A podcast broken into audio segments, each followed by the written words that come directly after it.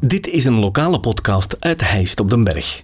Uit het boek Ikke en de Sikke, in het Heists dialect geschreven door Eddy Keulemans en Sikke Ooms, worden korte verhalen in datzelfde dialect voorgelezen. Dit vertelselke werd ingesproken door Eddy Keulemans. Van jongs af aan op Stammenee. Vandaag maak ik mij hele een reis door de tijd. Van 60 tot nu in 2020. Begin 1960, ik was pas drie jaar geworden, mocht ik met ons moe en onze vaas soms eens meegaan als ze iets gingen drinken van onkel Achille en tante Julia.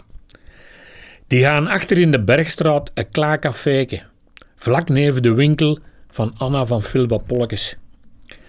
Als je daar binnenstapte, dan zat links aan de stoof altijd een oude mens, die precies altijd kou had. Dat was de Bekke Ooms, een jongman die even als in spek woonde. De mens was een bekke ziekelijk en als de klanten aan hem vroegen: Bekke, hoe is het? Dan zei hij altijd: Snecht, want hij had een hazenlip. Maar als een ma zag binnenkomen, dan fleurde het hem altijd een bekken op, want dan zag je reclamemannen. En dan riep hem: Ha, Edieke, hoe is het? En dan zag ik: Snecht. En dan lagen ze aan een toog allemaal plat van het lachen. In het nog was gaan, kostte me toch niet voorbij de deur van het spieken gaan, want daar zat nog een bekke. Dat was de bekke Vermalen, de zoon van Peer van de Klos en bagevolg een kozijn van ons moe.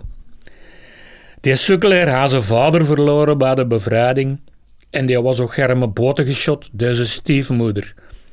Na een lange zwerftocht last zijn onkels van de Klos had hem onderdek gevonden bij Ranne van den Toorman, een kozijn van zijn vader. Hij woonde dus in Spieken. En hij zat daar ook altijd in Stammeneken, dat uitgebouwd weer de Ranne Vermalen en zijn vrouw Celine. Dat waren ook heel braam mensen, want die heven van mij de scheltjes van de bierflesjes bij. Ik verzamelde die toen, maar ik weet niet meer waarom. We kwamen in Spieken binnen en de bekken lachte breed toen dat hem maar zag. Maar dat zou niet lang duren, want die kreeg van Liddy, de dochter van Ranne, een grote zak scheltjes van een paar weken oud. Ik betrouwde dat spelletje niet, want ik dacht dat ze die zak misschien wel gevuld aan met een kopkussen of zo met daarbovenop een bekke scheltjes, van te foppen. Dus ik kapte die zak uit in het midden van de kroeg. Alles la vol, van aan de toog tot aan de deur. En de bekken, die sukkelaar, die moest van Ranne alles oprapen, want hij moest toch iets doen voor zijn kost en zijn logement. En toen lachte het hem de meesten. Een jaar of twintig later zat ik daar vlak in de gebeuren, wat elke zaterdag in de box, want dat was toen de place to be.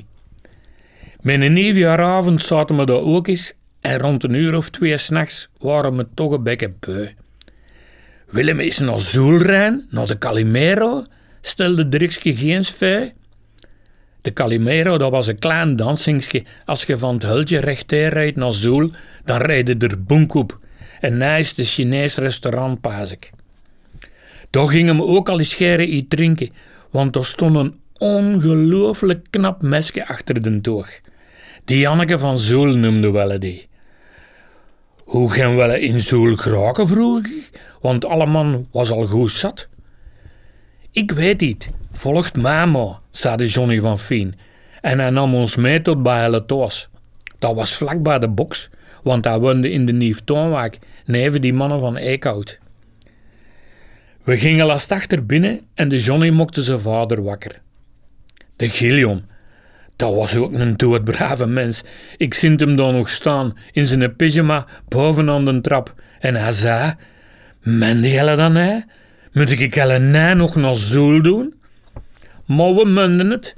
En de Gillion trok van Ermoy zijn winterjas aan over zijn pyjama en hij deed ons naar zoel.